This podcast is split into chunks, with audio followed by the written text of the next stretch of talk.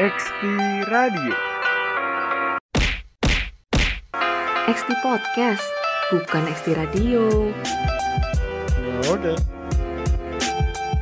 XT Podcast. Balik lagi bersama aku Angga dan temanku siapa?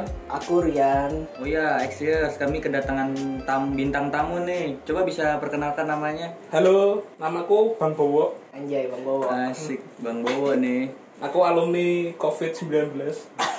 Tiga bulan lalu aku kena tapi udah sembuh kok. Oke, itu tadi Xteria eh, sedikit gambaran topik yang bakal kita bahas untuk menemani XTR pada podcast kali ini. Mungkin kita akan Nanya-nanya juga. nanya-nanya dulu ke Bang Bang Bowo. Bowo. Mulai dari mana dulu nih Bang Bowo? Terserah, silakan. Bebas nih. Ya, iya, bebas dong. Coba aku ya tanya. Bang, Bang Bowo, gimana sih kok bisa terinfeksi COVID-19? Kenapa awal mulanya itu? Awal mulanya sih itu pada tanggal 3 Maret. Itu pertama kali kakakku, kakakku dulu yang apa dites positif. Terus pas waktu dites positif itu aku tiba-tiba batuk hari pertama. Terus hari kedua demam. Terus hari ketiga itu hid- hidungku bangkot sampai hari ke-14. Itu kakakmu habis dari mana kok bisa kena? nggak tahu kayaknya dari pasar mungkin Oh, dari pasar ya. Padahal udah pakai masker juga. udah Kok bisa ya? Mungkin nggak lupa cuci tangan, tangan, kali iya. ya. Terus itu nggak penciumannya hilang nggak? Bang? iya Oh iya. Ka- kalau kakakku hilang cuma kalau aku nggak nggak hilang Berarti kayak normal gitu ya? Ya kayak kena flu biasa sih Terus eh, perasaan awal Bang Bo terkena COVID-19 gimana? ya campur aduk gitu Panik- bingung panik nggak? panik Panik panik lah masa enggak? panik bingung gitu lah aku pas waktu keluar hasilnya tuh sebelumnya aku berdoa dulu doa dulu Asik doa. Asik. Siap. Ya sih harus doa ya. Iya. Kalau- nih? Biar kalau apa aku doa sama Tuhan kalau misal misalnya apa ada yang positif lagi Tuhan biar aku aja karena kan kasihan juga bapakku bapakku kan kena stroke Oh masnya ke keluarga gitu ya? Iya. Kirain, kirain semua Indonesia Enggak, gitu. enggak. banget.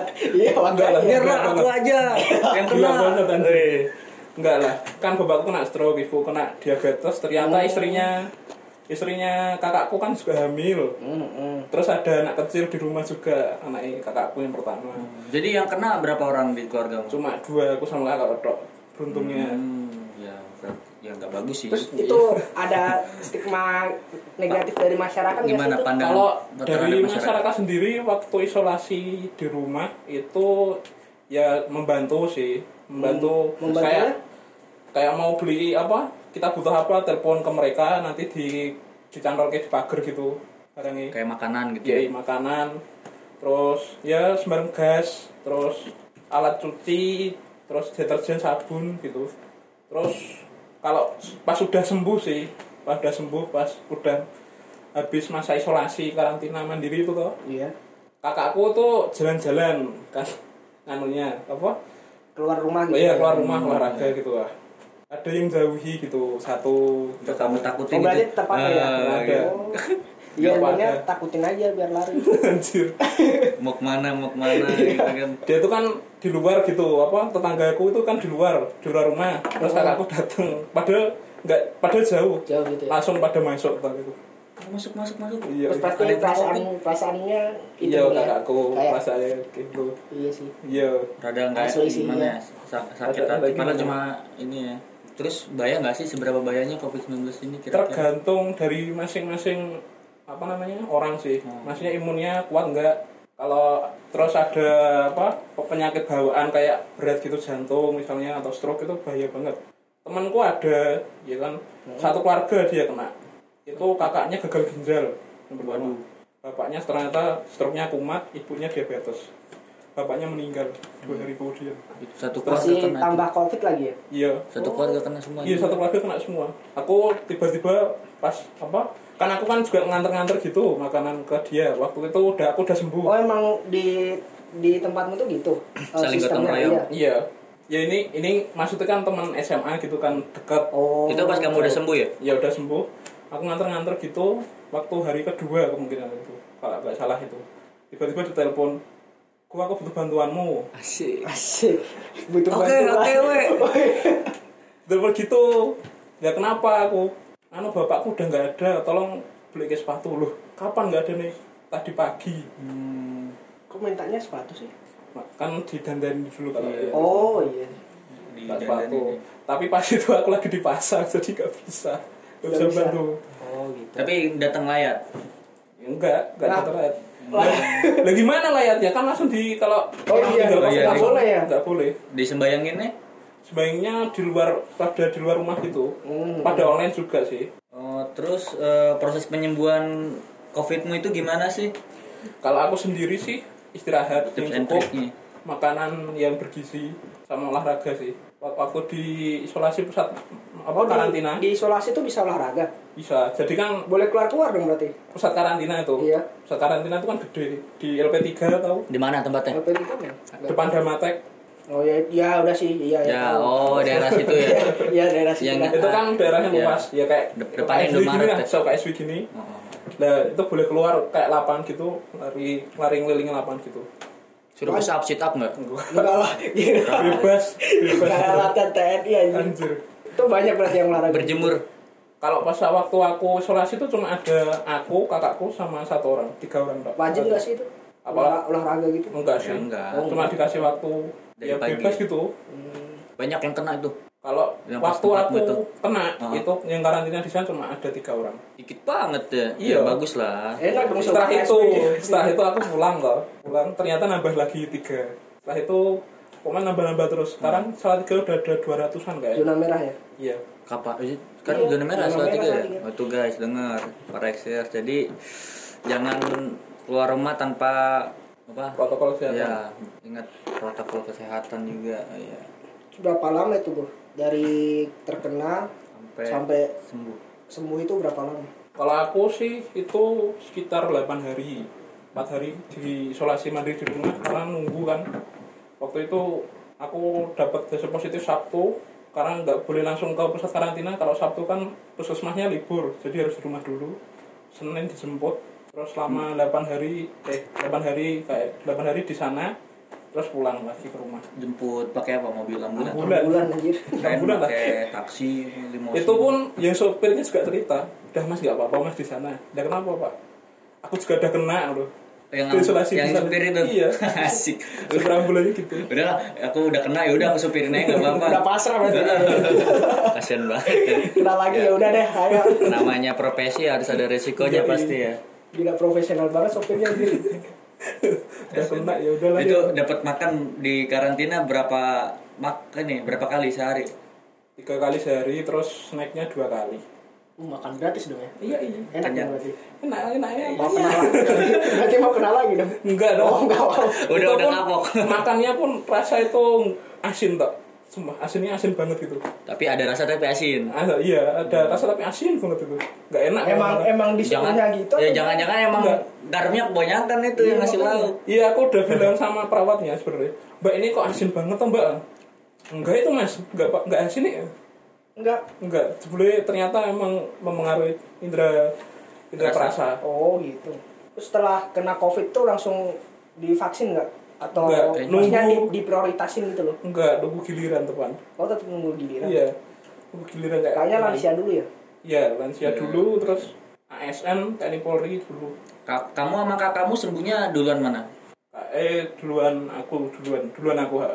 Kakakku itu di sana pas itu Oh, hari 14, aku hari ke-12 Oh iya mungkin gara-gara usia juga. Berarti ya. di tempat karantina juga berdua di situ. Iya, iya, iya. Dapat kamar juga kan? Iya, Berarti sekamar sama kakakmu. Ya, Iya. lah. pertama aku pisah Emang satu ruangan tuh berapa kamar? Hmm. satu ruangan nah ini tidur. ini tuh ruangannya kayak gini loh ruangannya kayak perpustakaan gini loh manjang gitu Mm-mm. terus ada kamar-kamar sendiri gitu Oh berarti ada sekat-sekat gitu ya? ya ada sekali ruangan kamar-kamar sendiri kayak apa ya Oh berarti satu ruangan kayak hotel melati gitu loh Hmm, Fasilitasnya apa ya sih kira-kira?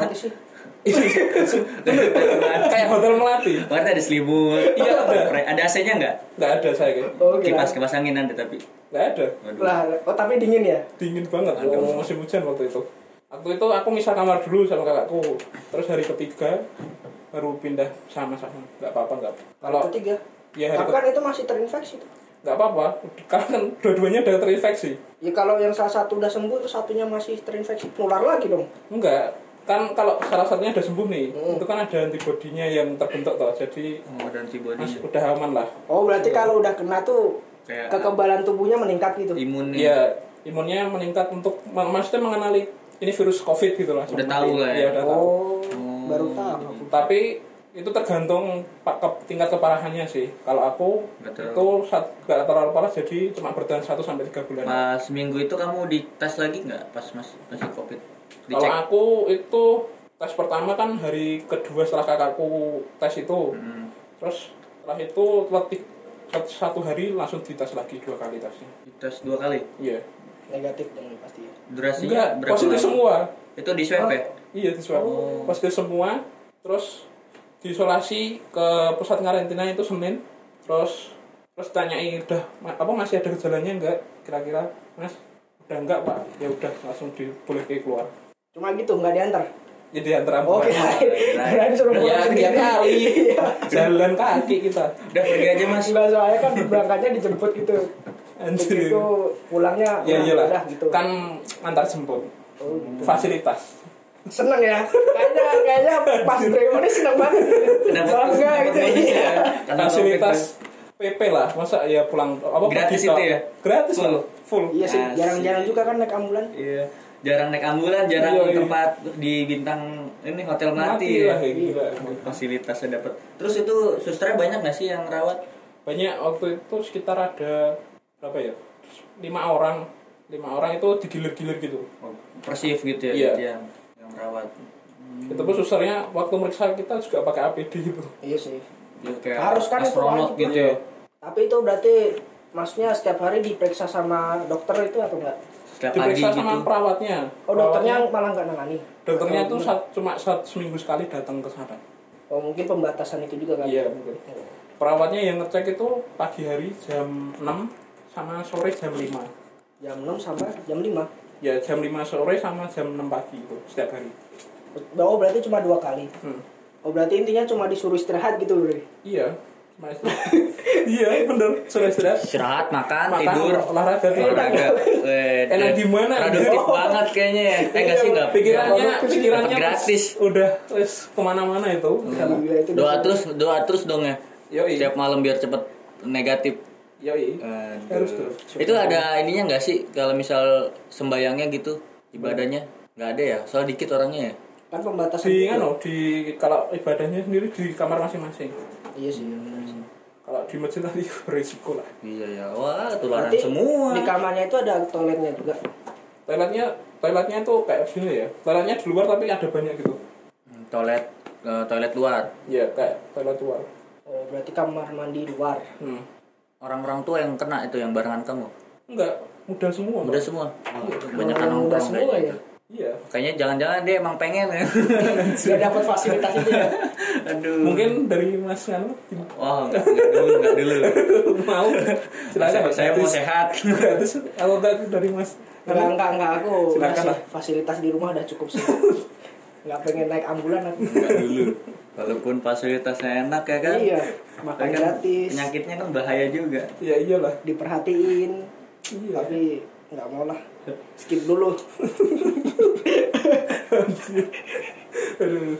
Oh, berarti itu isolasinya nggak isolasi mandiri ya, dirujuk langsung ke sebenarnya kalau itu kehitungnya isolasi mandiri cuma Oh. di pusat karantina gitulah istilahnya Kirain isolasi mandiri bisa di rumah. Bisa, bisa. Bisa kan? Bisa. tapi Oh, kalau bisa. kalau serumah itu kena baru bisa tapi kan ada yang negatif punya aku ya kena aku yang kena kan cuma aku sama kakakku Oh, jadi gitu. dirujuk ke sana di pusat karantina Terus perasaanmu gimana selama karantina itu?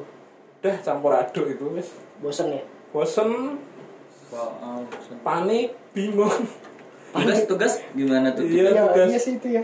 aku minta Ya, tolong paling- temenku ya minta tolong temenku bagusain dulu Tapi mau dia. mau Berarti pas kamu di karantina nggak bawa laptop? Nggak. gitu? Ya enggak lah. Nggak lain.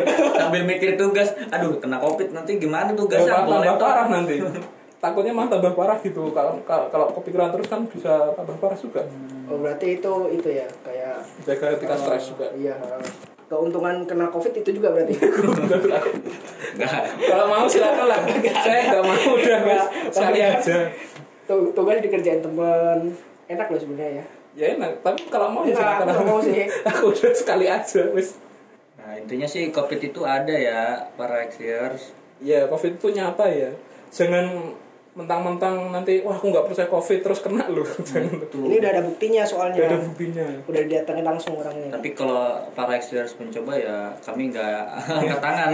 kami tidak bertanggung jawab Soalnya ini ya. benar-benar ada nggak hoax gitu. Ada saran-saran nggak supaya Ya, nggak kena covid gitu? ya apa taat pro- protokol kesehatan terus kalau nggak ada apa namanya kepentingan yang ba- penting banget nggak usah keluar rumah ya terus sama kalau yang udah kena aku mau nyaranin aja untuk nonorin apa plasma darah kalian untuk valesen Itu apa tuh? Emang itu apa tuh? itu plasma darah itu buat pengobatan yang parah-parah gitu yang parah misalnya udah sesak nafas udah nggak bisa nafas lagi biasanya dibantu perawatan Plasma, darah, kayak dikasih darahmu ya. Ya, Yang- tapi yang udah kena maksudnya yang Ya. udah Oh sembuh. berarti harus yang udah kena Iya. covid Yang udah kena terus yang yang tidak divaksin. Itu biar apa sih? Biar biar sembuh kan? Darahnya itu kan udah ter- tercampur COVID ya, biar Enggak, darahnya itu plasma darah kan ada ada imun COVID-nya. Iya, iya tahu itu. Nah, terus imunnya itu sendiri nanti dibuat terapi untuk yang parah-parah itu yang yang kayak udah nggak bisa nafas kayak gitu. Jadi kayak imun darahnya nanti masuk ke tubuh yang belum eh pas yang terinfeksi COVID terus tahu dia itu COVID kan jadi kayak Iya, langsung Hmm, produksi. menghalau COVID-nya sih. Iya. Itu kemarin aku mau sebenarnya nurunin darah plasma darah itu. Iya. waktu hari Kamis sebelum LDKM aku di tiba-tiba di WA kakakku ini ada yang butuh plasma darah. Aku nggak kenal sama sekali. Terus aku Langsung langsung, di WA langsung di WA Ke- ah, nomorku dikasih kakakku ke si orangnya itu. Iya. langsung di WA Dik ini kira-kira kalau hari ini bisa tes nggak? Besok di mana tau mbak? Wah nggak bisa dik serak darurat itu bilangnya tak darurat. Aku kiraku tesnya di sini di PMI Salatiga Iya. ternyata di Semarang Buset jauh banget. Loh, yang kena orang Semarang. Enggak, yang kena orang Ambarawa, tapi apa plasma darahnya itu Alatnya cuma, mungkin- alatnya cuma ada di Oh, Semarang iya. sama Solo. Terus jam berapa itu? Jam 5 atau 4 aku langsung ya udah Mbak nggak apa-apa, tak mandi dulu terus aku ke sana. Kita ketemuan di dekat JPO Kemiri. Iya, itu di situ. Aku ketemuan nggak kenal itu nggak kenal sama sekali sama orangnya. Itu Ya, pas yang kena plasma eh apa sih? Yang kalau daun plasma itu berarti harus sesuai golongan darah berarti ya? Iya, yang kebetulan butuhnya oh itu orang di Ambarawa tuh. Nah, terus ayo dek sekarang aja dek ini mendadak sekali ini penting banget ya ya udah kak aku langsung naik mobil langsung cerita orangnya ini sebenarnya orangnya udah udah nggak bisa kebantu lagi dek tapi keluarga masih ingin berusaha orangnya sebenarnya dokternya udah angkat tangan udah mau meninggal ini orangnya Bapak-bapak Terus akhirnya atau ibu-ibu. ibu-ibu udah Akhirnya tua ya? Akhirnya aku ke Semarang tes dulu kan namanya tes titer Dites- Titer. ya tes untuk mengetahui imun imunnya itu bisa didonorkan enggak itu ada Oh, iya. ambang batasnya Ah. ambang batasnya itu 130 tes dulu sana nunggu hasilnya tuh dua jaman tinggal pulang dulu ke Salatiga tuh nanti di WA baru bi- Balik kalau lagi? kalau bisa diambil darahnya plasma darahnya balik ke Semarang pagi nih Itu diantar lagi nggak? lah itu malamnya aku dapat WA dari PMI maaf mas darah anda nggak bisa didonorkan Gara-gara apa? gara-gara titerku udah di bawah ambang batas. Apa? Imunku udah di bawah ambang batas 130 Nggak nggak standar gitu ya? ya nggak boleh kalau di bawah 130 nggak boleh. Langsung aku ke tempatnya temenku yang udah kena keluarga itu Hmm. malamnya langsung tak dodok. Ini ada orang butuh darah sekarang. Kira-kira kalau besok bisa nggak tes? Tapi kan beda golongan darah. enggak podo. Sama O. Oh, sama-sama O. Jangan-jangan anda. Iya. Terus tak duduk ya, ya sih apa ya sudah tak apa tak tanya ibuku dulu kalau boleh apa enggak. Terus dia bilang boleh kalau boleh. Ya udah besok berangkat ke Semarang ya gue ya terus besok eh aku kan malamnya pulang lagi besok eh langsung di WA sama mbak mbak yang butuh itu. Dek orangnya udah meninggal. Ya udah kasihan banget ya. Kalau kita- kalian udah berusaha kan? Keluarganya juga udah usahain tapi emang udah takdirnya kan. Takdirnya iya benar sih takdirnya udah emang harus gitu ya gimana lagi. udah tidak bisa kita udah nggak bisa nganu lagi Pak. Oh, berarti kesimpulan buat podcast hari ini mungkin buat XTR tetap patuhi protokol kesehatan, jangan berstigma negatif sama orang yang terkena COVID. Betul. Terus dari kamu apa? Dari aku sih apa ya? Tetap sih patuhi protokol kesehatan. Kalau keluar pakai masker. Terus kalau mau keluar tuh kalau ada kepentingan yang mendadak banget gitu kan. Takutnya ntar kalau pas lagi keluar kena covid terus satu keluarga kena juga gitu. Ya itu parah. Kalau dari aku sendiri saranku yaitu tak tambah sedikit. Kalau keluar rumah jangan berkerumun di tempat yang sempit. Ya maksudnya tempat tertutup jangan berkerumun. Oh itu pengaruh ya? karena ini kan covid juga bisa menyebar lewat udara. Takutnya Oh. takutnya kalau berkerumun walaupun udah pakai masker tetap tidak jaga jarak kan? Iya, tidak iya. jaga jarak jadi bisa terkena ya Oke mungkin cukup segitu dulu dari kita Xtiar. semoga bermanfaat untuk exterior pada kesempatan podcast kali ini ya kan Sampai ketemu di episode kita Berikut. selanjutnya. Iya. Jadi peace and sah dan Dan selalu selalu berikan berikan yang terbaik untuk salah tiga hati beriman.